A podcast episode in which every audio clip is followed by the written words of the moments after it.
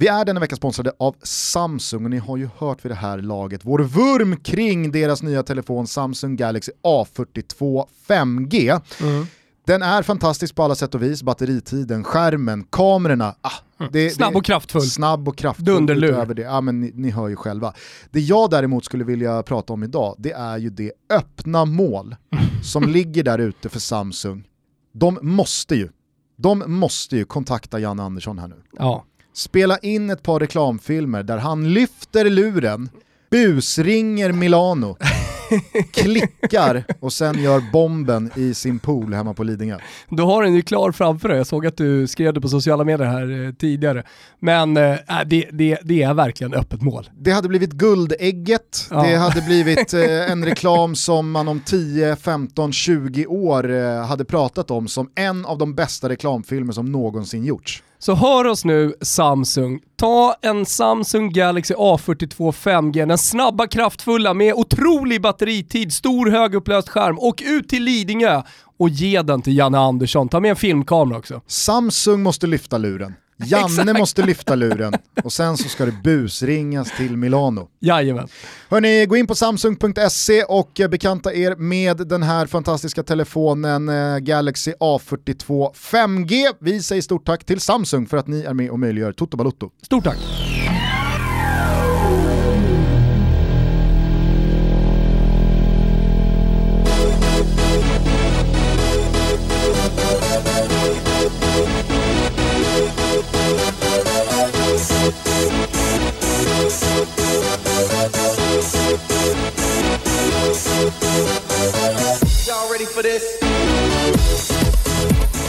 Känner varmt välkomna till Toto Balutto. Det är torsdag den 3 december. Champions Leagues femte gruppspelsrunda är precis avslutad. Det var ett par fantastiskt trevliga matcher att följa. Oh ja. Men jag skulle vilja börja med eh, att eh, vittna om hur upplyft jag blev av en kort intervju på Fotbollskanalen med Ferencvaros målvakt eh, Dennis Dibush. Jaha.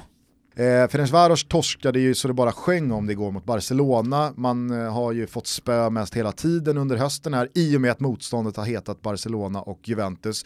Men då eh, så säger Dibush så här då efter matchen igår. Vi försökte hålla uppe tempot och göra mål i den andra halvleken. Vi hade några möjligheter men det ville sig inte riktigt. Vi gjorde det bra men eh, det räckte inte. Barcelona är ett väldigt bra lag. De spelade väldigt bra i den första halvleken och försökte utnyttja utrymmet bakom vår försvarslinje. Jag tror att det var kört för oss vid 3-0 det var så jävla ja, då var det kört, härligt gubben. sagt. Ja. Barcelona gör 3-0, det var väl Dembélé som eh, gjorde 3-0 efter Griezmann och eh, Braithwaite hade mm. gjort eh, varsina mål. Efter typ Gnuggar 20... ändå på Braithwaite där borta. Jag hör hemma i Barcelona såg jag bara en eh, citatrubrik också på Fotbollskanalen här under morgonen. Men håll med om att det, det är så jävla nice att Dibors här liksom konstaterar att ja. Visst, det är alltid svårt att analysera sig efter matchen. 2-0 och mycket Barca-spel, då, då hade vi häng. Det var absolut inte kört, men när 3-0 kommer, där tror jag faktiskt att det blev oss övermäktigt. Ja. Det, det är, ändå, du... alltså, är, han, är han seriös? Mm. Det undrar jag. Mm. Ja, men det tror jag. Är, är, är man så ja, liksom... Är man så naiv? Vet, vet du vad, de, de, de är ju turister här i Champions League, men de försöker ändå ta det på allvar. Så han tänker nog så nu står jag i ett Champions League-sammanhang och gör en intervju. Då måste jag ändå ta på mig den stora kostymen här nu och ja, försöka vara lite uh, Champions League-mässig liksom i min intervju. Mm. Så, är du med? Så att, så att det inte känns som att de är turister Ja, men det är så jävla Fast hår... alla vet att de är det. Exakt, det är så jävla hårfin balans det där. Jag kommer ihåg, det var väl Nanne Bergstrand va, en gång i tiden som eh, Helsingborg-tränare, när de var ute i uh, Champions League, sa liksom att det sista jag vill se, det var väl uh, Nanne Bergstrand, eller fan det kanske var Åge Hareide, det rimmar mer med Åge Hareide. Det rimmar mer med Åge Hareide att stipulera tydliga direktiv vad som gäller för svenska lag som underdogs. Mm. Att det sista jag vill se här nu är att ni går runt som några jävla turister. Mm. För det var väl någon spelare i Helsingborg tror jag som hade dragit upp kameran, inte mobilkameran, bear in mind, utan kameran runt halsen och tagit en bild på eh, arenan när de var ute och kände på gräset innan. Så här, wow, jag har också hört allsvenska... Då var det så här, där, Mm. Där förlorar vi matchen. Jag har också hört allsvenska spelare som har varit ute på spelarhotell när typ eh, landslag har varit här och ska spela, eh, för, för att ta bilder då idolbilder utanför ett så här kravallstaket. Ja, men, oh, oh! Men, Ronaldo! Men, Ronaldo! men det, var, det har vi väl pratat alltså det är Vladimir Rodic. Rodic? Rodic var väl till och med på eh, Kastrup. Ja, var det så? Eller Sturup. Ja, Sturup, i Malmö. Sturup i Malmö. Sturup i Malmö. Ja, heter numera Malmö Airport tror jag. Okay. De har eh, sexat till det lite. Ja, nej men eh, för det är väl ofta så att man flyger till Kastrup, alltså det, ja. Ah, jättemånga internationella flighter går inte till Sturup. Nej. Men eh, säg att det var på Sturup då, Real Madrid landar väl vad fan de vill. Ja. Jag tror då att Rodic var på plats eh, på eh, flygplatsen i alla fall, om det var Kastrup eller Sturup, när Real landar för att knäppa en bild. Mm. Eh, jag vill minnas det här. Eh, hur som helst, alltså samtidigt som jag förstår det Åge Hareide pratar om, tycker det är viktigt att, hej, dra inte upp kameran och fota arenan, för då är det liksom, då är det över. Mm. Så älskar man ju samtidigt när svenska spelare också är realistiska. Jag förstår vad du menar men det, blir det finns ju en gräns där också hade, som är hårfin. Hade Malmö-spelarna efter, vad fick, de, eh, vad fick de med sig från Bernabéu där för några år sedan? Var det 8-0, 9-0? Det kan ha varit 9-0. Mm. Hade liksom, alltså, ger Malmö-spelare intervjuer i mixade zonen där att 6-0 tror jag nog ändå att det var, alltså där kändes det kört. Mm så hade, det hade ju varit liksom ja, men, så här, du ser åt andra hållet Du ser ju också turister, ja men du ser ju turisterna i uh, Champions League nu är ju väldigt snabba fram på att få en tröja. Det ser man ganska ofta mm. i de här Champions League-matcherna. Hur som helst, uh, Stuart Baxters uh, fucking Champions League, den kanske var viktigare för alla, ja, men framförallt aik men även kanske signal till spelarna än själva prestationen som alltså var en superprestation.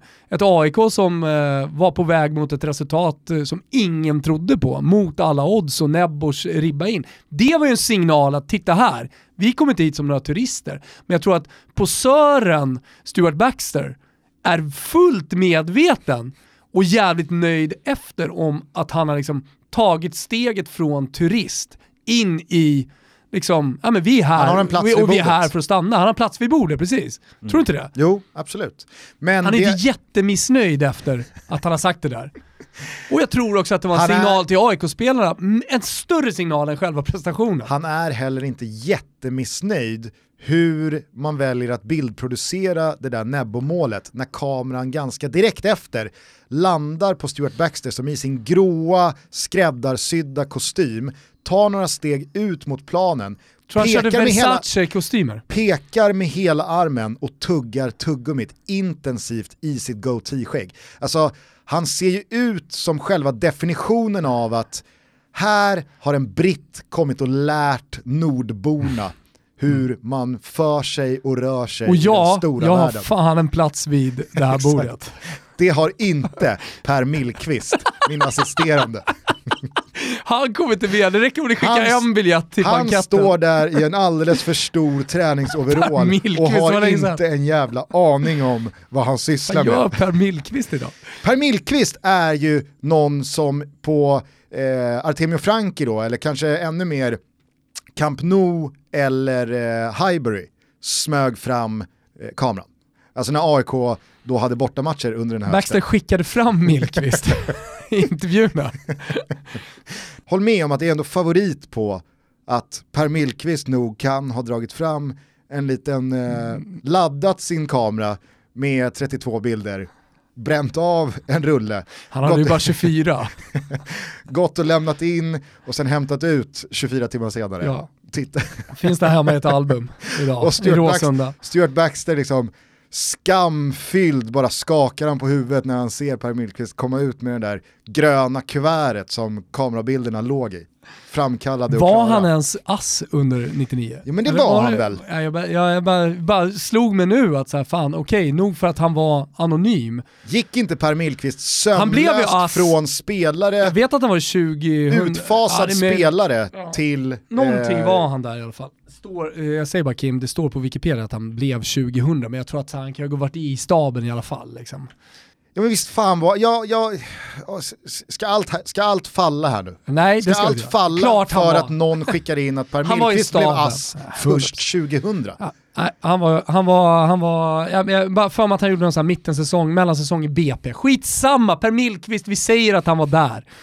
Eh, vi går från det, Ja. vi stannar i Champions League, men vi snackar svep. Mm. Lite rörigt, men eh, vi kör. Jaha, ska vi... Okej. Jaha, ska vi ta spännande? Ja, gastkramande. Dramakuppen Champions League i mål då va? Jag såg att du twittrade igår Gusten. Som har suttit där under hösten och bitit på naglarna när eh, lag som Ferencvaros, eh, Istanbul eh, Başakşehir, Olympiakos, Salzburg, Zenit, Mittgyllan och gängen verkligen har utmanat om en plats i åttondelsfinalerna. Pa! Det blev ju föga förvånande, precis som jag sa i somras. Visst är det lite skön veckounderhållning och mysigt att se en holmgång i Istanbul som den mellan Leipzig och Başakşehir igår, men så här i slutändan är det ju bara en promenad i parken mot de riktiga matcherna. Jag sa någon skräll, kanske får vi det i Real och Intergruppen, kanske inte. Nåja, i den näst sista omgången fick ju några turister faktiskt känna segerns sötma. Visst, Shakhtar slog Real Madrid som fortsätter sin rövsäsong. Lilla krysset för mittgyllande i Bergamo. Başakşehir fick inte betalt men pressade Leipzig in på visslan. Porto, skräckslagna med fru Fortuna på plats, snodde till sig ett kryss mot City. Det var såklart inte tråkigt att kolla på fotboll, jag är med dig där Gusten. Det blir såklart häftigt när Europas olika globetrotters möts, som när United och PSG kampar i 90 minuter på Old Trafford och med kamp kommer osäkerhet hos domaren. Orsato show, sa Tancredi Palmeri. Det får vi behandla sen, men PSG löser ju som väntat avancemanget. Och hörni, vilken spelare han är Neymar. Bäst i världen just nu, frågar ni mig? Ja, jag tror banne med det. Leipzig som sagt, såg ni den där tidiga fighten i Istanbul? Eller slaggade ni bort den? Ledning, Leipzig alltså, segern som är en liten ask. Turken tillbaka, övertidsmål av Sörlott. Noterar gör jag att de två slipsarna lämnade en hel del att önska.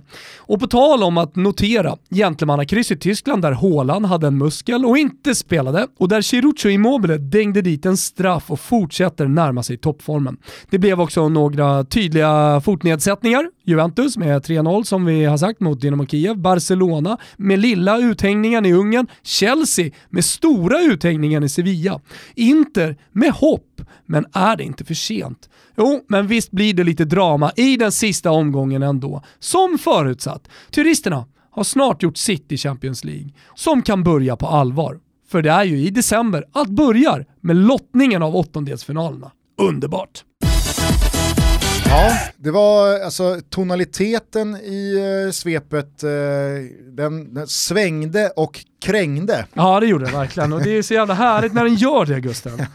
När det liksom är det ena och det fjärde man får verkligen eh, liksom ta sig en Pepsi och gaska upp sig och bli lite pigg i kolan va, om man ska hänga med i mina svep ibland. Mm. Nej, men härligt. Jag tror att alltså, du verkar lägga in i, i min take på att det är gastkramande och, och, och spännande och härligt med Champions Det är väl en förutsättning för att fotboll skulle vara intressant. att det ska sluta med att Ferencvaros går till semifinal eller att Dynamo Kiev ska chocka alla och, och gå vidare. Det är inte det jag pratar om, utan det folk på senare år i väldigt hög utsträckning har liksom slagit fast det är att Champions League är en turnering som inte ens är värd att titta på under hösten. För det är så sömnigt och alla vet hur det ska gå så det är ingen idé att ens kolla för att det slutar bara 6-0 till alla drakar och blåbären får lämna. Så är det ju inte. Jag säger bara att så, Jag, säger, jag säger så här, i grunden i fotboll så handlar det om resultat, det handlar om eh, att man ska tävla om någonting. Ja, Det gör det från att kidsen är ja, i Europa, från att de börjar spela fotboll i Sverige, från att de är 12 år gamla. Och, och, och liksom, så här, utan det, när det är turister, då finns det ju såklart någonting som förgår. Och jag tycker också att de senaste åren, kanske lite mindre i, i höst, men trots allt så är det de lagen som går vidare, så finns det ingenting att spela för. Utan det ska parkgås hela vägen till en åttondelsfinal. Jo men det är, här, alltså det är här då min andra del av mitt argument kommer in. Det är inte, det är inte Ferencvaros och Dynamo Kievs eventuella eh, kamp om Europa League-platsen bakom Juventus och Barcelona jag pratar om. Den matchen, den gruppen, det är ju vad det är. Skit i den då. Bayern Münchens asfalteringar av eh, Lokomotiv Moskva och Salzburg och Atletico Madrid, ja men det är väl vad det är. Det jag pratar om att det är att i varje Champions League-säsong, varje gruppspel, så finns det guldkorn. Det finns fantastiska det matcher att följa varje gruppspelsvända. Få. få eller inte. Den här veckan har haft Alltså det, det, har, det har varit två fantastiska fotbollskvällar. Omgång fem kan vi höja lite. Det är ofta då saker och ting avgörs. Någon har halkat efter lite, någonting här, nu krävs en trepoängare och så vidare. Jo, men och så jag kommer att... Alltså visst, jag köper att omgång fem är intressant, kanske omgång sex är väl eh, lite mer intressant, men, men det hör ju till liksom eh, ett gruppspel, men i slutändan så är det samma lag som går vidare hela tiden ändå. Vi får väl se, Med men det vi visste, undantaget ja. någon skräll. Och det var därför jag sa det, liksom, fan, det är klart det är kul att kolla på Globetrotters lag, liksom, för de är så fantastiskt bra, det är mycket talanger och det är PSG som, äntligen får man se Neymar möta ett engelskt lag, så tänker ju alla anglofiler. Wow, här är, här är, och så kan de sitta och gorma åt Neymar som har filmat och, och så vidare. Eller hur? Farsan var inte nöjd igår. Farsa, din och Hoffmans farsa var inte nöjda igår. Dels hade han blonderat håret mm. och dels höll han på att filma. Det jag skulle säga i alla fall var bara att vi på förhand den här säsongen visste att i gruppen PSG, Manchester United och Leipzig så skulle något lag missa avancemang. Vilket hade varit en stor grej för alla lag, eh, av de tre alltså. Det visste man ju på förhand. Den gruppen kommer vara fantastiskt spännande att följa och det har den varit tycker jag varje vecka. Det har varit allt från att eh, United slår PSG överraskande i Paris till att United asfalterar Leipzig till att det här jävla Basakshehir med eh, Irfan Kaveci, vilken gubbe! Ser du hans frisparksmål igår mot Leipzig? Det är en av de vackraste frisparkar jag sett i år. Ribba in. Oerhört delikat. Mm. Eh, alltså den gruppen har ju varit en behållning varje speldag eh, av den här delen. Jag har parallellt med det fått en grupp med Real Madrid, Gladbach, Inter och Shakhtar som öppnade upp sig redan första omgången. Som underströk i den andra omgången att det här kommer vara helt Undantaget, öppet. Ja. Undantagsgruppen. Ja, då, är, då, är, vi uppe i två grupper. Äh, som... den, den, första gruppen som du nämnde, det, det, har aldrig varit något drama eller spänning för mig. Skojar du med mig? Nej, nej, nej. Det är klart det inte har varit. Aha. Vad, vad har det varit för dig då? Det är precis det jag ser. Leipzig vinner den här matchen, borde ha vunnit den efter första halvlek.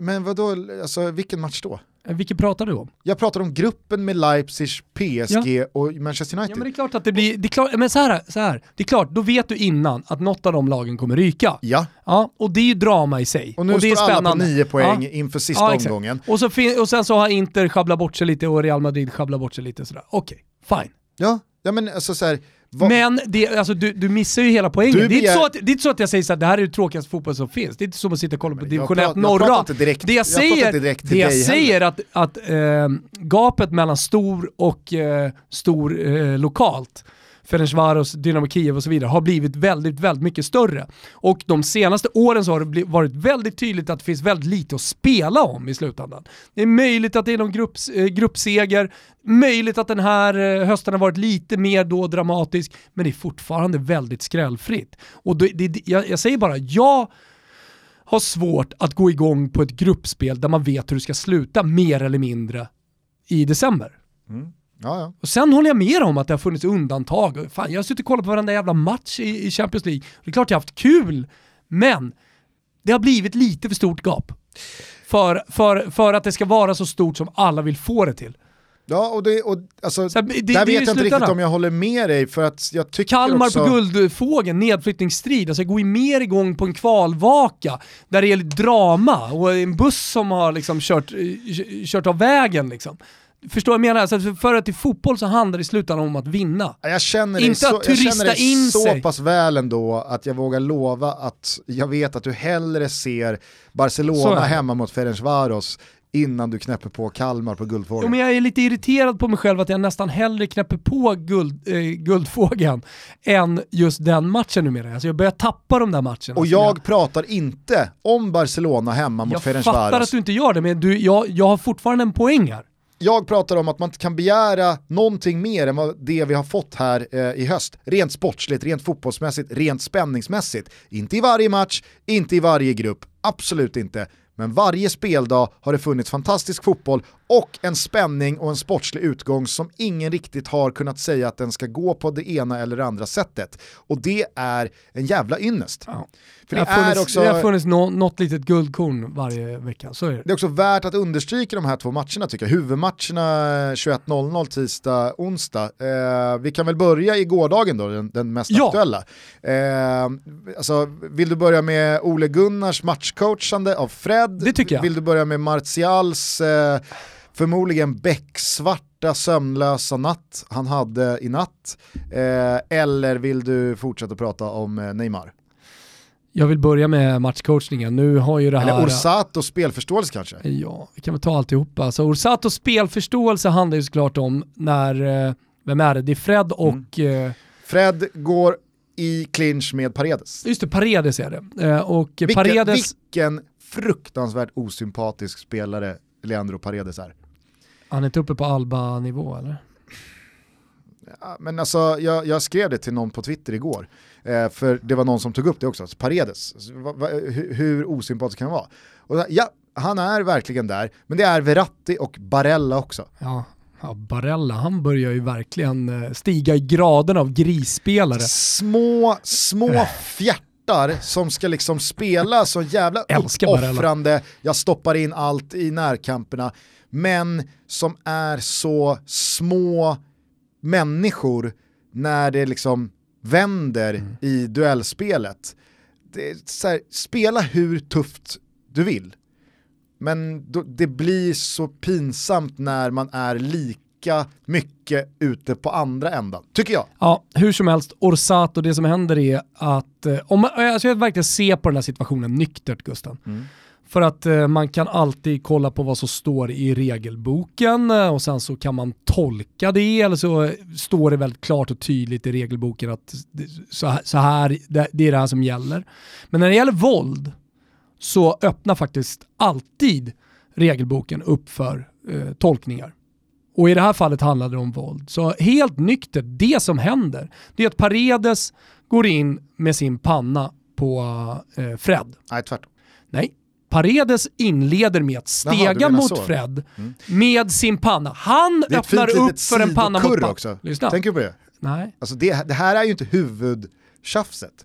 Det är ju diskussion och liksom samling kring ett annat domslut. Och så, det här är ju ett sidokurr några meter Ja, ja. bort. Så, fina sidokurret då. Mm. Och det som händer i sidokurret är att Paredes stegar fram mot eh, Fred Fjädj och eh, lägger sin panna emot honom. Han öppnar upp för att här ska vara en panna mot panna. Det här pågår ungefär i en halv sekund och eh, det känns nog längre för de två, tror du inte det? Att Säkert. den här halvsekunden liksom är sådär. Och sen så kommer då en minimal rörelse från Fred. Som det är liksom en motrörelse att så här, du lägger panna mot mig, vi hamnar panna mot panna, bort med dig. Och så blir det då en filmning från Paredes och det är alla med på. Han, det där gör inte ont överhuvudtaget för pannorna, alltså ben, pannben sitter mot pannben och det är en riktig rörelse ifrån. Viktig distinktion här för mig är att det är en förstärkning snarare än filmning. Ja, Det är en fruktansvärt osympatisk och direkt vidrig förstärkning. Men det är en förstärkning, ingen filmning. hur skulle gatans lag döma detta? Orsato, han tar, han tar ju till liksom rim och reson och rimlighet när han springer ut, kollar på den här situationen, ser att Paredes går fram, lägger sin panna emot och Fred möter den. Han ser den lilla rörelsen som absolut inte gör ont för Paredes. Han ser förstärkningen. Vad är det som har hänt på gatan här? Ingenting. Det är, det är liksom, om, om folk vill få det där till en skalle för att det är en rörelse emot, när pannorna redan ligger mot varandra, den gör inte ont, då har de aldrig sett en skalle förut. Nej, så är det. Orsato vet ju dessutom vad det röda kortet innebär för resten av matchen Ja. kontra vad det gula Han har kortet en innebär. ruskig spelförståelse här. Jag skiter i vad som står i eh, Det regelboken. finns ingen regelbok, det finns bara Orsatos tolkning av regelboken här. För domaren dömer. Ja, och och om då folk vill få det till att det är en skallning rörelsen emot, så kan man ju också hävda att det är så här, bort med din panna som du la, la emot min panna. Det kan också vara ett självförsvar i tingsrätten här som åberopas från Freds sida. Han attackerade mig den här gubben. Och jag eh, var tvungen att eh, försvara mig. Så att folk som liksom vill få den där rörelsen till någonting som är svart eller vitt, rött kort, de får fan mig tänka om här. Mm. Och Precis på samma sätt Orsato får veckans schnitzel. Sen tappar han matchen. Sen är han värdelös. Sen blir han Orsato igen. sen, blir han, sen blir han Orsato igen. Men det skiter jag i. Mm. Han får schnitzeln här. Precis som alla domare som ser att det där var ingen armbåge med flit som ska vara rött kort. Och precis Utan det där, var, det där var en rörelse för att fälla ut bommen och skydda sig mot en spelare. Göra sig stor. Precis på samma sätt som att du kan, nudd, du kan nudda en domare på olika sätt. Det Exakt. finns inte bara Finns det finns, det finns inte bara en kontakt med en domare. Mycket I en bra. klunga så kan du få en knuff i ryggen och så blir det att du liksom, oj, jag stötte till domaren. Det är inte samma sak som Finns att Vidal. brösta upp sig Ja, mot domaren och verkligen gå, här söker jag en kontakt med domaren. Borja annat. lilla petning på domaren. Ja, eller Cristiano Ronaldos i supercuperna mot Ja. Barcelona för några år sedan. Alltså, allt är uppe för tolkning för domaren. Det. Det finns ingen liksom så här, här är paragraf 5 kolon 14, kontakt är si eller så. De som tror det, de måste förstå. De har, att de har tyvärr är aldrig spelat fotboll vi fotboll. spelar. Nej. Eh, jag såg eh, AIK-supporterprofilen August Spångberg, han eh, twittrade ut bara som en retorisk fråga. Jag har aldrig, alltså, kan man ens få gult kort för eh, skallning? Jag har aldrig sett Det förut. handlar väl om våld? Nej, men då skrev jag till honom så här, om människor, om, vi- om vi låter människor döma fotboll, då kan man få det. Mm. För det är liksom, det, det, det är det enkla svaret på en sån retorisk fråga. Mm. Ja. Och jag skulle komma till den här tacklingen som till slut renderar Fred utvisningen. Det är ju ett gult kort som också går att diskutera. Det går att hänvisa till att ja, han är först på bollen och i en tuff match så ska det där inte vara eh, ett gult kort. Men det går också att hänvisa till att även fast du är först på bollen så är du ansvarig för din kropp och din satsning kan vara brutal och för tuff ändå. Det är gult kort. Det går Men också att säga att han har är det- förtjänat exakt, ihop den. För mig så finns det bara en förklaring till det där gula kortet. Det är skitsamma. Orsato vet, han känner i hela kroppen. Fred ska vara utvisad. Ja. Han ska inte vara på den här plan. Minsta lilla här nu så tar jag honom. Ja. Om Ole Gunnar Solskär är så jävla dum på den där sidlinjen, som med fem byten och en full bredd i truppen inte har tagit av den här spelaren och ersatt honom med någon annan, då kommer han tyvärr ryka här nu snart. Ja, där är läget. Här har du ditt andra gula kort. Jag gav dig chansen att stanna kvar, det är du väl medveten om, för du skulle ha åkt ut där om man ska liksom peka på vad en skalle i en Uefa Champions League-match ska vara. En bra chans. domare, en Colina, han dömer på det här sättet. Kommer du ihåg hur mycket vi hylla- hyllade Colina? Han var ju den här typen av domare. Han hade spelförståelse, han förstod spelet. Ja. Collina var så jävla bra på att förstå när det var filmning och inte. Ja, alltså. Och förstärkning. Han Ja. kunde liksom med bara en blick kunna visa, ser att det är kontakt, men du förstärker för mycket. Mig lurar du inte. Du skulle inte förstärkt så mycket. Det var liksom Collina expert på att signalera. Vi är denna vecka sponsrade av våra vänner på K-Rauta Oh, ja. och även på K-Rauta så är det ju juletider. Nej men skojar du? Hur mycket jul som helst. Du får ju de bästa julklapparna till mamma, till pappa, till syrran. Eller vad vet jag, kanske till brorsan Gusten. Du har ju Isak där. Han kan ju behöva lite hjälp. Han behöver, precis som jag, ta steg vad gäller utvecklingen kring händigheten. Mm, men du, eh, kanske ska du köpa en gåvokupong till honom. Vet du vad det är för någonting? Nej. Ja, men det är någonting som eh, K-Rauta har, jättefina. Och då har de liksom förberett, till exempel så står det då på den här gåvokupongen Room Makeover. Den här kupongen gäller ett besök på K-Rauta och köp av material för uppfräschning av ditt rum. Han bor i lägenhet Isak. Så tänker jag, det är jättebra. Så kan man då kryssa i typ målarfärg, tapet, golv. Är du med? Det är super. Och sen så finns det då en liten asterisk. Bekostas av mig. Psst. Jag gör naturligtvis jobbet också, så då kanske du ska åka hem Ah. till eh, Isak och göra jobbet. Förstår du? Det finns hur mycket som helst. Ordning i hallen kan man ha. En alldeles egen pysselhörna, folk som har barn. Min Alba till exempel, hon älskar att pyssla. Jättebra grej, eh, gåvokuponger på K-Rauta. Vill man inte ge bort gåvokuponger utan istället konkreta julklappar, hårda paket och så vidare va? så vill K-Rauta tipsa om att man enkelt kan beställa sina julklappar på krauta.se och så kan man ju åka och hämta dem på deras drive-in så behöver man inte beblanda sig och riskera att eh, sprida smitter och så vidare. Riktigt smidigt och enkelt och krauta.se är ju dessutom öppet dygnet runt. Jajamensan, vi säger stort tack till K-Rauta som gör den här julen ännu bättre och som kommer med så mycket julklappstips precis för alla. Kan du god jul på finska? God jul!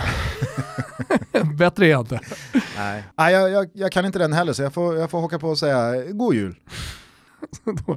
Kitos går för att ni gör den här julen så fin. Och Toto Balutto möjligt. Jajamän. Nej, men jag, jag håller med dig. Det är alltså folk som, folk som dunkar sitt huvud i väggen här och i en värld utan gråskalor hänvisar till att X ska innebära Y och Y ska innebära Z och det här är regelboken och så är det med den saken. Det finns bara rätt eller fel. De måste liksom måste förstå att fotboll är en mycket mer dynamisk eh, sport och ja. en, en, en, en, sport som faktiskt kräver en viss bedömning av, av en domare. För att, alltså, vi hade Steffe Pepsi här och pratade om just så här, sätta en nivå på match, att det kan vara olika beroende på vilken typ av match det är, liksom ett Falkenberg mot eh, Mjällby kontra, när ingen har någonting att spela för till exempel, mm. kontra ett, ett Stockholmsderby. Och det här är någonting man pratar om med domarkontrollanter eh, inför matcher, i förberedelsen av matcher folk måste förstå att det är människor som spelar och det är människor som dömer. Jag pratade med Timothy Timman Harold igår. Fan vad lätt det hade varit att bara kolla på en regelbok och döma därefter. Ja, verkligen. Då hade vi aldrig haft några fel. Mm. Nej men eh, bara eh, kort, jag pratade med Timman igår, eh, en eh, känd eh, bettingprofil i synnerhet om man följer Bengt Sonnerts gambling cabin-gäng. Mm. Eh, han är en del där, eh, jobbar mycket med våra vänner på Betsson och så vidare. Eh, vi snackade lite igår, för vi sågs på en inspelning, om just eh, vad de tomma läktarna inneburit för domslut och så vidare. Och då sa han bara kort att eh, tidigare säsonger eh, i SHL så har eh, utvisningsstatistiken, alltså powerplay, i princip varje år legat på 43% för hemmalaget, 57% för bortalaget. Alltså bortalaget får 57% eh, av utvisningarna, eh, mm, hemmalaget får 43%. I år 50-50. Mm. Alltså det är så här, domarna har ju inte börjat ta utvisningar för andra saker mm. eller skärpt någonting. Eller, alltså det är Nej, för att de är människor. De är människor. Nu finns det inte längre fullsatta hemmaläktare som buar och skriker och sätter press och man vet att oj oj oj det här kommer bli en jävla massa frågor och hetsk stämning mm. efteråt om jag tar den här utvisningen. Mm. Så då, då gör jag inte det. Mm. Ja, men man tar den för bortalaget. Mm. Så det, det, var exakt det jag sa till Steffe Pepsi också när han var här. Mm. Kom ihåg det. Så här, men det måste väl vara skillnad på att blåsa en straff i 87 för motståndarlaget mm. eh, mot Milan mm. på ett fullsatt San Siro när det gäller någonting viktigt. Alltså det måste sitta hårdare inne den straffen att ta än att blåsa straff för eh, Genoa mot Parma i elfte minuten när det står 0-0 mm. och matchen betyder ingenting. Ja. Och han sa det, nej, nej det ska du inte göra. Men han var ju också tydlig i sin bisats med att vi är bara människor. Mm. Jag vet inte hur man påverkas omedvetet det är det som är det svåra här, alltså det går inte att bevisa på något sätt. Eh, och jag menar så här, en domare kommer väl aldrig erkänna, i alla fall inte i stridens hetta, direkt efter matchen att man har blivit mentalt påverkad av saker utanför kritan. men vem fan var det som sa, jo men det var ju han. Vår, eh, vår, nej, men det var ju... Eh, Pepsis polare. Ja, eh, alltså jag kommer inte ihåg vem det var nu, men domaren i matchen mellan Bayern och Häcken. Ja. Du vet, stryptaget på Hamad. Jag har bara tappat namnet. Han går ut och säger, jag fick en blackout. Det var, Fräscht. Det, var också, det var liksom, uppfriskande. Det var, ja, men det var Ferencvaros eh, keepern uppfriskande, ja. fast åt andra hållet. Brutalt ärligt. Alltså om Ferencvaros, keepern hade gått ut och sagt ja men det var kört innan domaren visslade igång matchen. Det hade ju varit åt samma håll som när han kom ut och säger jag fick en blackout. Jag vet inte vad som hände. Eh, men eh, nej, jag, jag, tycker eh, Orsato förtjänar, eh, han förtjänar den där snitsen. Mm. Och sen skrev jag om Paul Pogba igår, jag tycker att det är helt otroligt att en sån artist och världsfotbollsspelare kan komma in i den 76 minuten. Så är jag rätt nu? Mm. 76 den är ju svår annars. Jag har sagt fel i ett svep på TV4 en gång i tiden. Vad sa du då? Då sa jag sjätte sjunde eller någonting sånt ah. där, alltså blandade ihop det. Och det gick ut. Okay. Och det var ju väldigt många som gjorde narr av mig. Precis som folk gör mest hela tiden, gör narr av mig Gusten. Eh, Din plats här på jorden.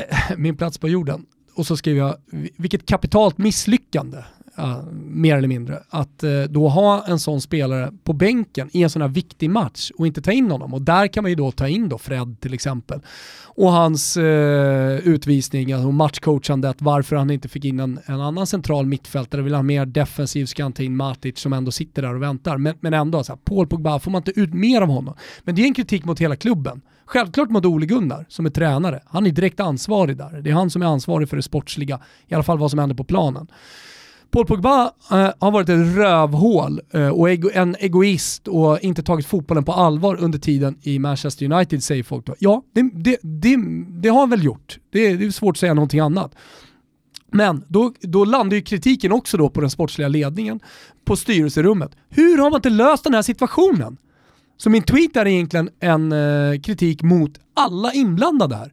Hur kan man ha Paul Pogba med det han tjänar, med det han visar i franska landslaget varje gång han spelar. Han med det han kostade. Dem, med det han kostade. Med, och, ja, hela den affären med att man först ger honom till uh, Juventus, eller man missar honom kanske man ska säga, och sen köper tillbaka honom och så har han då varit dunderbra i Juventus. Man tror man får tillbaka en Pogba. Eller det får man ju, men, men som kommer också leverera, det gör han inte. Hur som helst, hur kan man inte ha löst den här situationen då? Deschamps pratar om det efter och innan varje landslagssamling. Vi måste lösa Pogbas situation i Manchester United. Mm. Så här, det är kritik också mot Pogba, att han inte har löst, att han inte vill mer med sin klubblagskarriär. Han kanske tänker för mycket på pengarna. Men för Manchester Uniteds del, fan lös bara den här situationen. Gör honom bra, se till så att han presterar sin bästa fotboll, jag vet inte vad som krävs. Är det omöjligt? Är han en så stor egoist, bara tänker på sig själv, skiter i att träna bra, lallar runt eh, nere på träningsanläggningen och står för dåliga prestationer i, i ligan och i kuppspel. Sälj honom då! Exakt.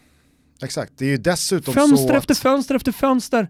Du, du får bli, bli billigare, men lös den här situationen. Mm. Det är dessutom och, så att man truppdemografiskt på det centrala mittfältet inte har speciellt jobbiga namn att flytta på. Nej. Alltså Fred Matic och Scott McTominay, det är inga spelare... Det är för mig ett hån mot fotbollen. Ja. Att Pogba sitter på bänken och att McTominay spelar. Det är ett hån mot fotbollen. Det är inte modern fotboll, det, det är inte fotbollsutvecklingen. Det tycker inte McTominays farsa dock. Det gör han inte. Han, han, har inte mycket till övers han är team, för Paul Pogbas färgade spexfrisyrer. Han är team eh, Gugge och Hoffmans farsor.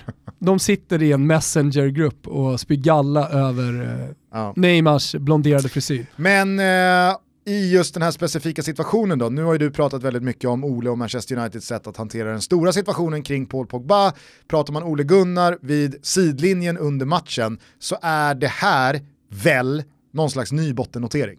Mm. Alla ser att Fred kommer åka ut. Mm. Alla vet att en poäng för Manchester United tar dem vidare i Champions League så att de fullt kan fokusera på ligaspelet där man har halkat efter i en späckad december.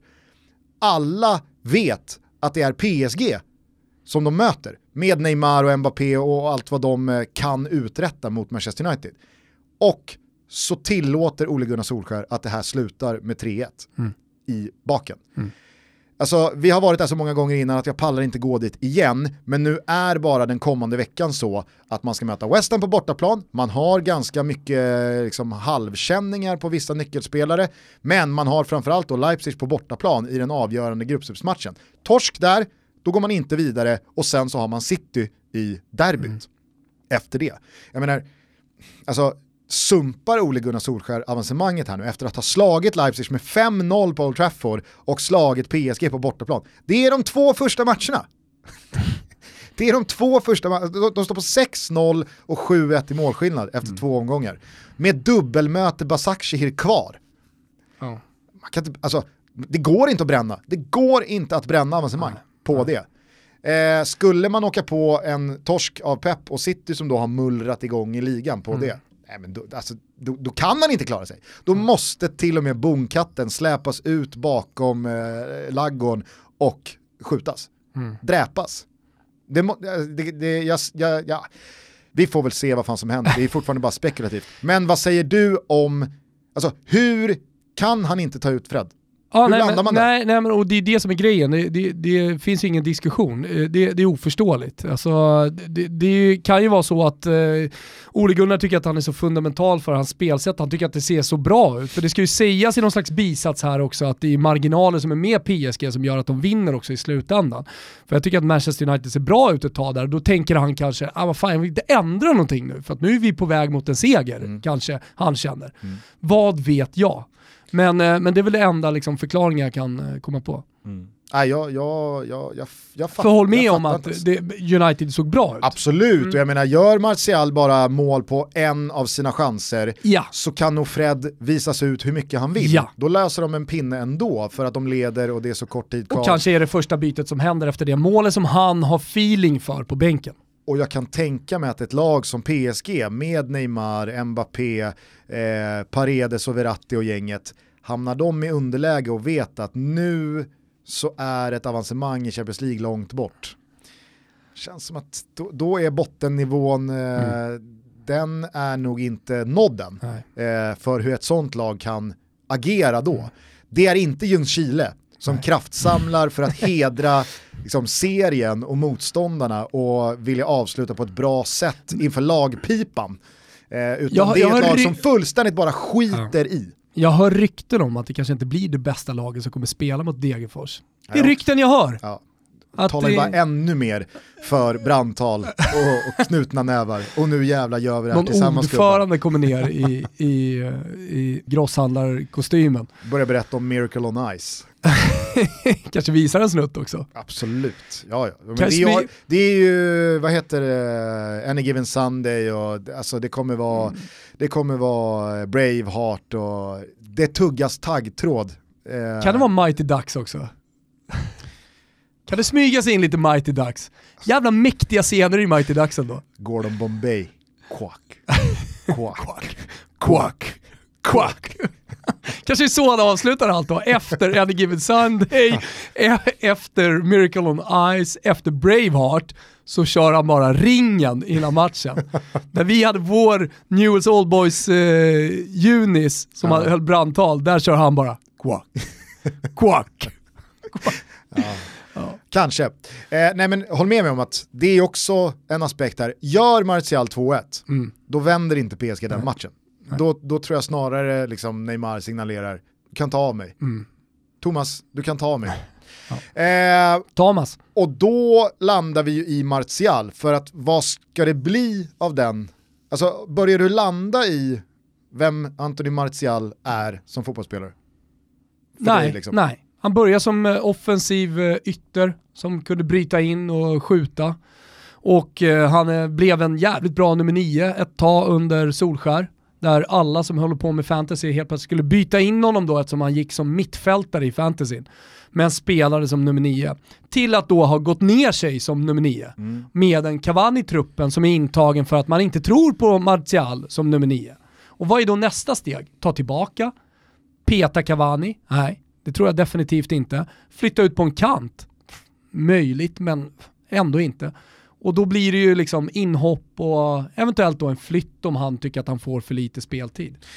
Väldigt många var ju inne på att Mourinho bröt ner honom mentalt under eh, deras tid ihop och att... Jaha. Eh, ja, men så var det, och hans eh, flickvän var väl ute och var väldigt tydlig i vad hon tyckte om hela den här situationen på sociala medier.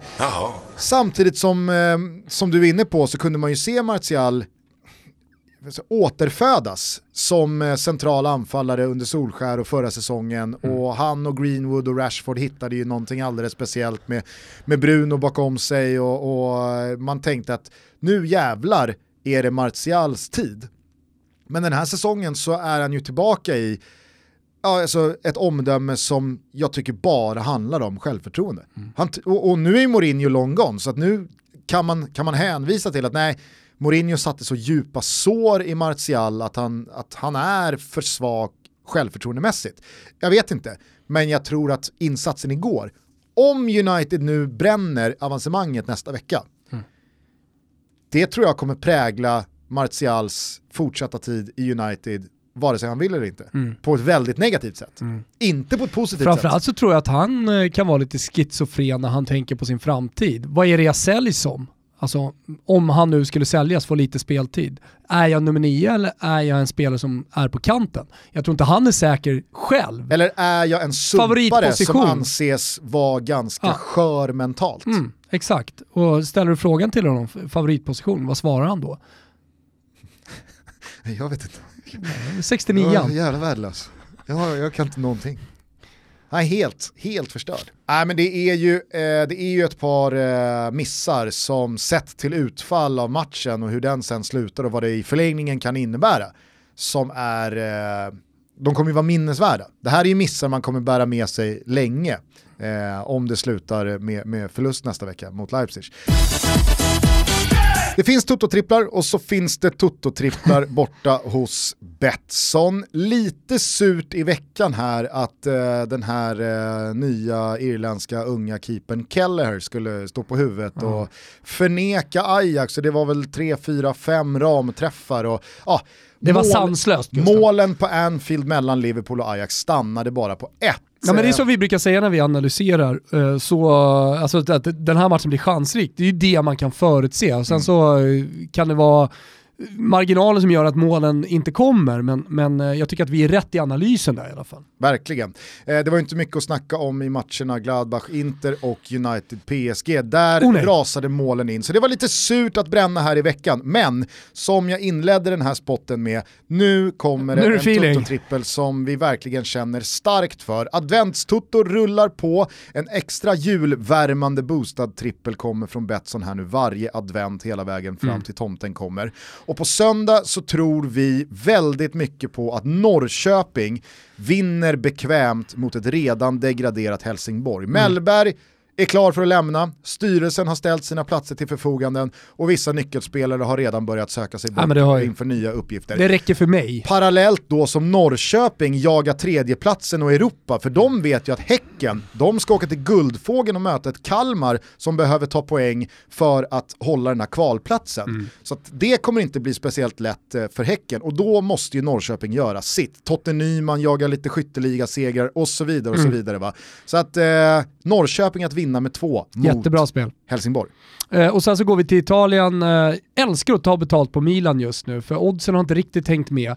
Men eh, nu möter man ett Sampdoria som eh, är eh, lite slitna kan jag tycka. Eh, man har Quagliarella såklart på topp och man har ett ganska gediget mittfält sådär, men, men Milan, ah, jag vet inte vad det är med dem. Alltså, fram till jul i alla fall, förutsatt att inget händer så kommer de bara flyga. Och de klarar sig utan Zlatan också, men inför den här matchen så finns det häng på att Zlatan ska spela. Under fredagen ska det göras ett test. Det är inte fundamentalt i mitt spel, men jag gillar att den lilla bonusen också finns. Mm. Så eh, Milan att vinna rakt borta mot Sampdoria, den tar jag alla dagar i veckan. Sista tredjedelen i den här trippen är att Tottenham vinner rakt hemma mot Arsenal i North London Derby. Arsenal kom ju från en helt eh, hemsk eh, senaste tid i ligaspelet. Mm. Eh, insatsen mot Wolves senast var direkt usel. Mm.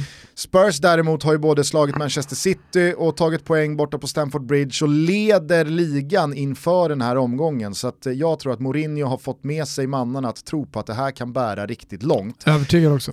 Det pratas och snackas och tisslas lite om att Kane eventuellt missar matchen. Det ger jag inte mycket för. Han kommer starta den här matchen. Men alldeles oavsett så är Tottenham ett bättre lag för dagen än Arsenal. De bara vinner. Mm. Det är trippen och ni hittar den som alltid under godbitar och boostade odds på Betsson. Mm. Eh, men jag har faktiskt också bett våra vänner där borta att boosta ett specialspel till lördag. Mm. Jag tror ju att vi kommer Jävlar vad se... du känner för ja. den här. Alltså nu... ja, jag tror att vi kommer få se... Du har stått här utanför i tio minuter och pratat om hur mycket du älskar det här spelet. Jag tror att vi kommer få se ett målrekord eh, i Premier League. På det är ju att sticka ut hakan. På Etihad.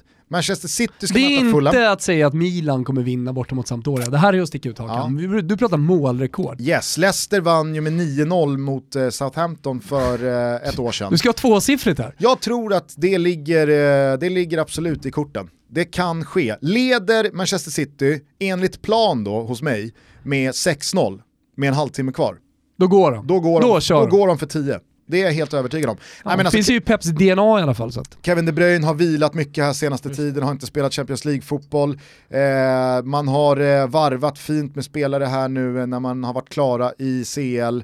Eh, Fulham tog den där eh, segern mot Leicester i måndags, vilket gör att jag tror att Scott Parker tycker nog att så här, inför ett tufft decemberschema, när vi ligger så pyrt som vi gör till i tabellen, så är det nog bättre att bara vaska den här matchen. Vi luftar lite, vi roterar och sen så tar vi nya tag på Craven Cottage nästa vecka för att klara kontraktet. Det är inte mot City man klarar kontraktet och att bränna massa energi och kraft på att hålla nere siffrorna till 3-0, mm. 4-0, nej, det tror jag bara är idiotiskt. Samtidigt som City då de ska ju, de ska ju ånga ja, på här nu. Jag hör vad är det du vill göra? Du vill boosta något här nu? Ja, eh, City att göra över 5,5 mål. Wow. City att göra 6 mål. Den finns då boostad Den på... finns boostad som en singel också under godbitar och boostade odds. Så att, eh, ni har ju själva, det blir en rolig helg borta på Betsson. Tänk på att ni måste vara 18 år fyllda för att spela och stödlinjen.se finns för de som har problem med spel. Jag vill också tipsa om resultattipset. Jag vill också säga lycka till i resultattipset till min motståndare. Mm. Det kan han behöva. Ja, det kan han verkligen behöva. Framförallt så kan vi väl påminna alla om att eh, fylla i eh, era kuponger. Det var en hel del som hade gått vidare från mm. första omgången som eh, tävlade med 0-0 rakt mm. igenom mm. för att de hade slarvat. Mm. Det är ju tråkigt när ni väl har tagit er tid att regga och, ja. och, fylla i en kupong och gjort det bra i första vändan och sådär. Så kommer jultutto eh, där för alla som åkt ur och inte bara, där vi kommer jobba poäng under tre omgångar. Precis, då switchar vi ligaform från mm. knockout till poäng. Så mm. då är det tre Premier League-omgångar över jul och nyår där man ska ta så många poäng fin. som möjligt. Alltså det, det, är underbart ju för att man älskar ju Boxing Day-fotbollen och det, som matcherna duggar tätt och så behöver man inte vänta speciellt länge. Där kommer ju folk missa också. Min favoritomgång är ju inte Boxing Day eller nyårsdagen. Det är ju mellandagsomgången. Jag gillar det, jag tänkte säga det. 29. Den är underbar alltså. Den är underskattad. Ja, ja. Då, då, då har man så här härligt eh, När det är så lugnt. 33 timmar sedan de spelade sist. Ja, julen lite över sådär, men man har ändå lite lov. Ja, nej, ni har ju resultattipset.se, det är bara att haka på. Precis, och vi har så roligt tillsammans med Betsson. Tack för att ni är med och möjliggör Toto Balotto. Ja, det var en otrolig kväll på Old Trafford. Jag, jag, jag tycker alltså så här, Åslund var inne på det väldigt mycket i studion, att det var en så dålig match. Rent kvalitativt. Ja, men då kommer vi till den här diskussionen. Eh, vad Matchen är igår är ju allt jag vill ha av en fotbollsmatch. Ja. Allt jag vill ha, det bara mm. smäller de passningarna, mm. det smäller i duellerna. Det är... Vet du varför det blir så? Nej, eller det kanske jag vet, men jag vet inte vad du tänker på. Det är för att det ligger något viktigt i potten på matchen. Mm vilket skapar då den här karaktären. Exakt. Problemet eh, annars överlag då med eh, Champions League, till skillnad från några få matcher, jag älskar att de guldklimparna finns, där det inte finns. Utan där det stora är att spela matchen. Ja, men det går, väl att, alltså det går väl att säga samma sak om väldigt många ligamatcher, att det inte finns, alltså visst. Ja, men där, där är en, det är en annan eh, mentalitet. Spel, men, ja, men det, är en eh, det är en annan sak, det går inte att jämföra. Kupp är kupp, liga är liga. Så där förbereder du på ett annat sätt. Jo visst, men det går väl på något sätt att likställa en gruppspelsmatch Nej. med en ligamatch? Nej, det kan du inte göra. Du kan inte göra det. Nej, för du möter internationellt motstånd, eh, du, du är där för att spela matchen, det är det stora. Eller igår då, som tur är, så fick vi till exempel den matchen eh, där det faktiskt låg någonting i potten. Och när det är så hög kvalitet, framförallt tror jag högt tempo Gustav, så kan det bli lite missar och, och, med karaktären på matchen, med förutsättningarna inför matchen så, så, så, så blir det så här. Ja, ja, det var i alla fall en fantastisk match. Det var det också i tisdags eh, när Borussia Mönchengladbach mötte Lukakos Inter. Jag säger Lukakos Inter för att helvete vad han bär det där laget. Alltså, mm. du menar har... Lukakulk? Jag såg att eh, Gazetten hade försökt vara lite snajdiga och snitsiga igen. Utvisningsbåset är det som gäller för eh, italiensk media. Jag såg någon på Twitter skrivit, varför är det ingen som bara säger, är det inte bättre att köra Hulkaku? Exakt. Nej, det landar i Lukaku-Hulk. ja, det är så dåligt.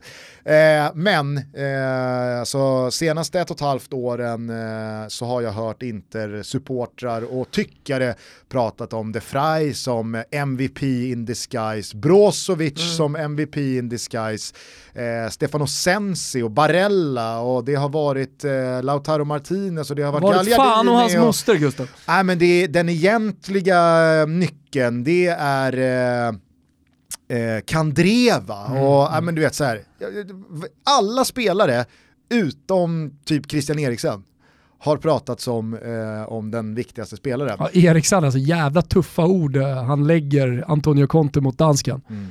Det är liksom för dålig. det är liksom den tonen han pratar också. Men Romelu Lukaku är och det tycker jag han visar här nu eh, i den här matchen och på sistone med all önskvärd tydlighet att han är Inters viktigaste spelare. Vi pratade om det eh, för eh, någon vecka sedan, du frågade vem hade, alltså vem är, lyft bort den här spelaren från laget. Då var det Lukaku Inter, Zlatan Milan, Ronaldo Juventus, vilket lag drabbas hårdast och så vidare och så vidare. Jag skrev då en tweet efter den här matchen om att jag tycker att Lukaku verkligen förtjänar att omnämnas som en av de allra bästa. Och då, mm. alltså, jag pratar inte om topp fem, eller topp, vilka ska, vem ska vinna Ballon d'Or? Men jag tycker att Lukaku... MVP pratar du om? Jag tror att jag pratar om anfallare framförallt. Mm. Alltså, ge mig, hur många anfallare hade, om du fick bygga ditt lag, för det, det är så jag tycker man ibland måste ställa frågan. Mm. Om du är sportchef för ditt fotbollslag som ska spela en fotboll som för att det måste man ju också väga i. Vad, vad, liksom, vad, spelar man för fotboll? Det finns en fotboll i Barcelona och det finns en annan i, eh, i West Brom. Men eh, låt säga att det är en fotboll som med ganska så intensivt eh, forsande anfallsspel ska komma till mycket målchanser. Men man ska kunna orka och spela tuff fotboll. Okej, okay, det, det, är ambitionen att det är den fotbollen du vill spela. Ja. Som sportchef, hur många anfallare väljer du före till det laget?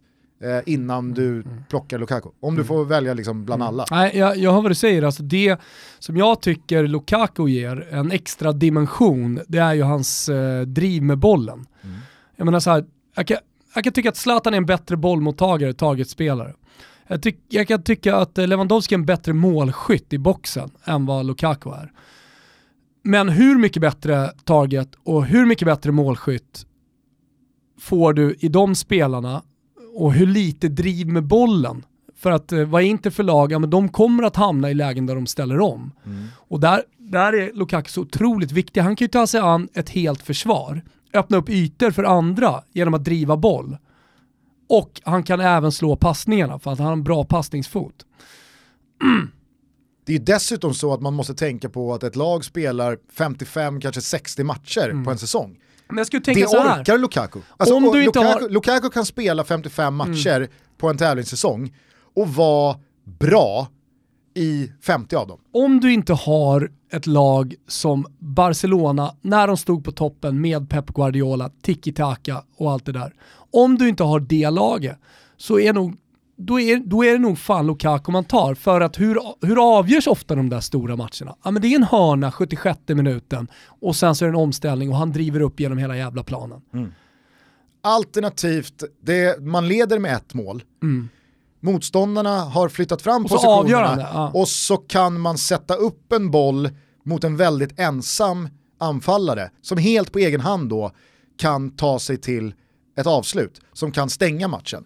För att han har, ja men, som du är inne på, han har det felvända spelet, ja. han har djupledsspelet, ja. han har powern, han har huvudspelet, han har avsluten. Mm. Visst, det är också en spelare som jag också ser inte har den mest bländande tekniken eller eh, de mest silkeslena fötterna vad gäller första touch och, och passningar. Men behöver man det då? Mm. Alltså, jag vet inte, jag vet spelar man den fotboll som Romelu Lukaku spelar? Alltså, det, det, kommer du ganska långt på. Mm.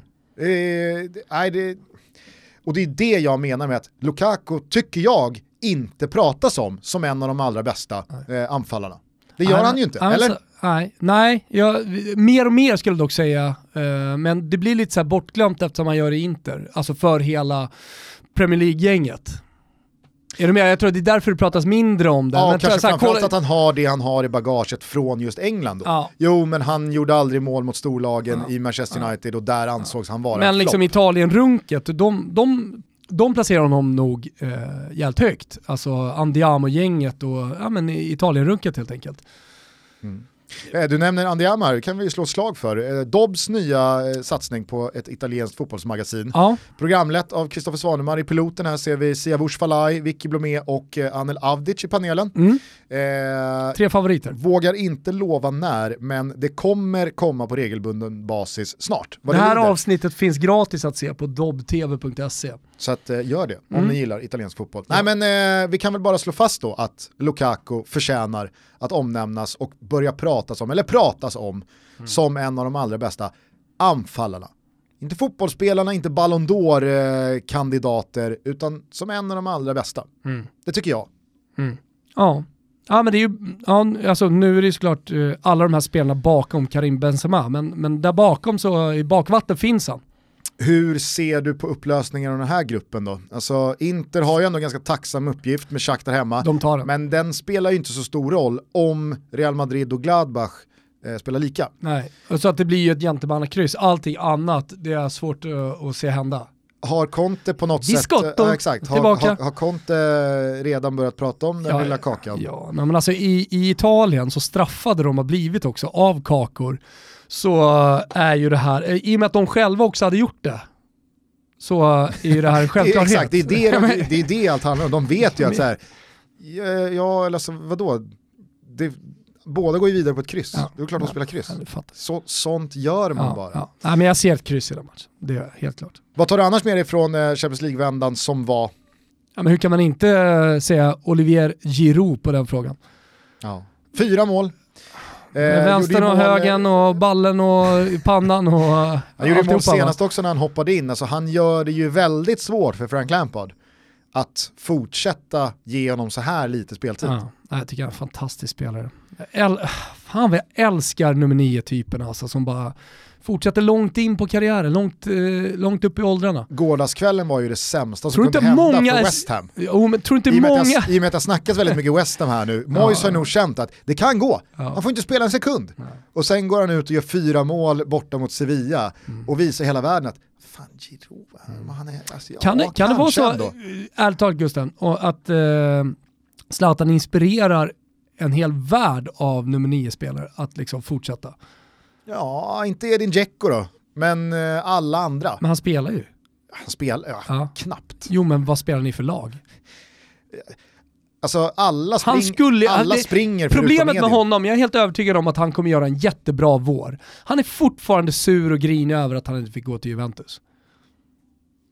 In, jo men det, det, det, finns någonting där och så kollar han på sina lagkamrater, han har så lång och hyllad karriär och tycker att det är skitspelare och trist på Trigoria. De hittar bomber från andra världskriget och skakar bara på huvudet. Vad fan är det här? Jag skulle varit i Juventus ju fan och sprungit runt där uppe och, och gått för Champions League och grejer. Nu, nu är jag i Roma. Så tänker han. Ja. Och då brukar det ofta, när jag talar med erfarenhet här Gusten, då brukar det ofta vara ganska tröga höstar och sen så kommer julen, det blir någon Slivovica och lite härligt och så glömmer man bort det. Nu drar vi ett streck över det här, säger han vid nyår. Och nu skriver så, vi på ett nytt kontrakt. Ja men nu kör vi. Ja. Och sen så är han fantastisk, så kommer solen och värmen till Italien. Va? Ja. Ja, jag börjar mer och mer känna, så nu, nu... Du börjar mer och mer känna att Dzeko, han kommer göra en riktigt bra Nej, Jag börjar det... mer och mer känna att Roma får fan gå för Giroud här i januari. Oj, oj, Inter gjorde ju det. Jag vet. Fan att de inte löste honom. I somras också. Okej, nu, nu har vi precis talat oss varma om eh, Lukaku och han ja. hade ju varit och vice Lukaku. Mm. Men eh, Roma, jätteförvärv alltså. Man skulle släppt Dzeko och tagit in Giroud. Det är vad man skulle ha gjort. Exakt. Men då hade eh. inte Morata spelat i uh, Juventus och han gör det ju bra, målade igår igen. Och Ronaldo, du frågar vad jag tar med mig från igår. Ronaldo, 750 mål i officiella matcher. Mm. Sug nu... på den du, Zlatan topp 10. Ja, så är det. Och nu är eh, Cristiano Ronaldo bara nio officiella tävlingsmål i klubb och landslag bakom Josef Bikan. Ja som vårt eh, nästa Never Forget kommer handla om. Mm. Missa inte det avsnittet nej, på måndag. Vi eh, går mot en stark avslutning på året ska vi säga i Never Forget med några väldigt starka avsnitt också. Missa heller inte Fotbollssöndag Europa på söndag 19.30. Gugge är tillbaka i programledarstolen Oj. och jag flankeras av Simors nye fotbollsexpert Astrid Ajdarevic. Varmt välkommen in i simor värmen Astrid. Mm, eh, där tänkte jag säga tack, men jag är ju inte Astrid. Nej, ja, du kan säga tack och Simors vägnar för att han har valt att uh, sitta som expert. Vad händer med karriären, vet vi det? Eh, jag misstänker att eh, det blir fullt fokus du... på, på jobbet här. Okej, okay, men du kommer ju ställa den frågan, så alla som vill veta det, de eh, kan ratta in eh, Fotbollssöndag Europa och vad ramar man in sa vi? Det är Sampdoria Milan. Eh, han skulle, poäng. skulle kollas idag va, mm. Zlatan? Mm. Nej, imorgon fredag. Eh, vet, du, vet du vad jag älskar från eh, travvärlden? Eh, vad man gör med hästar? för att kolla vad, alltså, om det är något fel. Eh, Nej. Man böjer dem.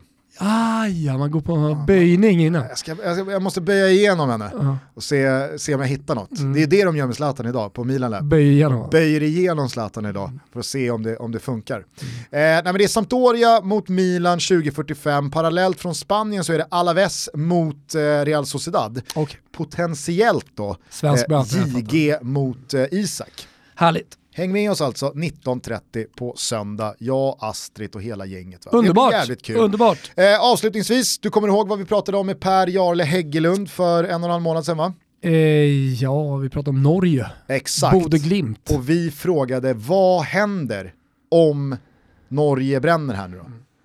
Och då så trodde Per Jarle att det bara finns en väg att gå.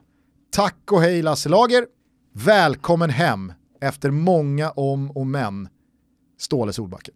Och det var det som hände i förmiddags. Ja. Jag känner nu att vi lika gärna kan ge EM-bucklan 24 till norskan. VM då? Det är för tidigt. Ja, det är lite tidigt. Okej, EM-bucklan, Och så är det. Qatar och det är Mm. liksom så här, det, jag vet inte, det, känslan är bara att det kommer, det, det kommer vara lite konstigt. Något kon, och, det, kanske är då, det kanske är då att Norge går hela vägen. Att det är det konstiga med VM Såhär 22. Jogge Löw-grej, det är för tidigt. Det var ju EM 24. Men EM 24-bucklan, Den tillskriver Norge. alltså jag börjar ställa in mig nu på Grattis, att Ståle, Norge! Ståle krämar ur precis allt som finns i den här generationen. Och eh, vinner den där bucklan som Sverige aldrig når. Toto Balotto säger grattis Norge, nu tar vi helg. Hörs Kom, igen på ihåg, kom ihåg måndag. att ni hörde det först. Ja. Eh, vi hörs igen på måndag, både via Never Forget och Toto Balotto. Tack till alla som har lyssnat så jävla mycket på oss under 2020. Mm. Det var väldigt många som via Spotifys mätningar igår eh, redogjorde för att vi är den podden som har hållit eh, de mest sällskap under året och det känns jävligt kul. Mm, det känns jättekul och det var ju bara då våra Spotify-lyssnare. Vi har ju våra älskvärda Acast-lyssnare och podcaster-lyssnare. Vi älskar er också. Ni får inte samma Ja, men statistik men, eh, men eh, ni, ni, ni är minst lika fina. Vi gasar vidare mot 2021, häng på, trevlig helg, ciao tutti! Ciao, Toto.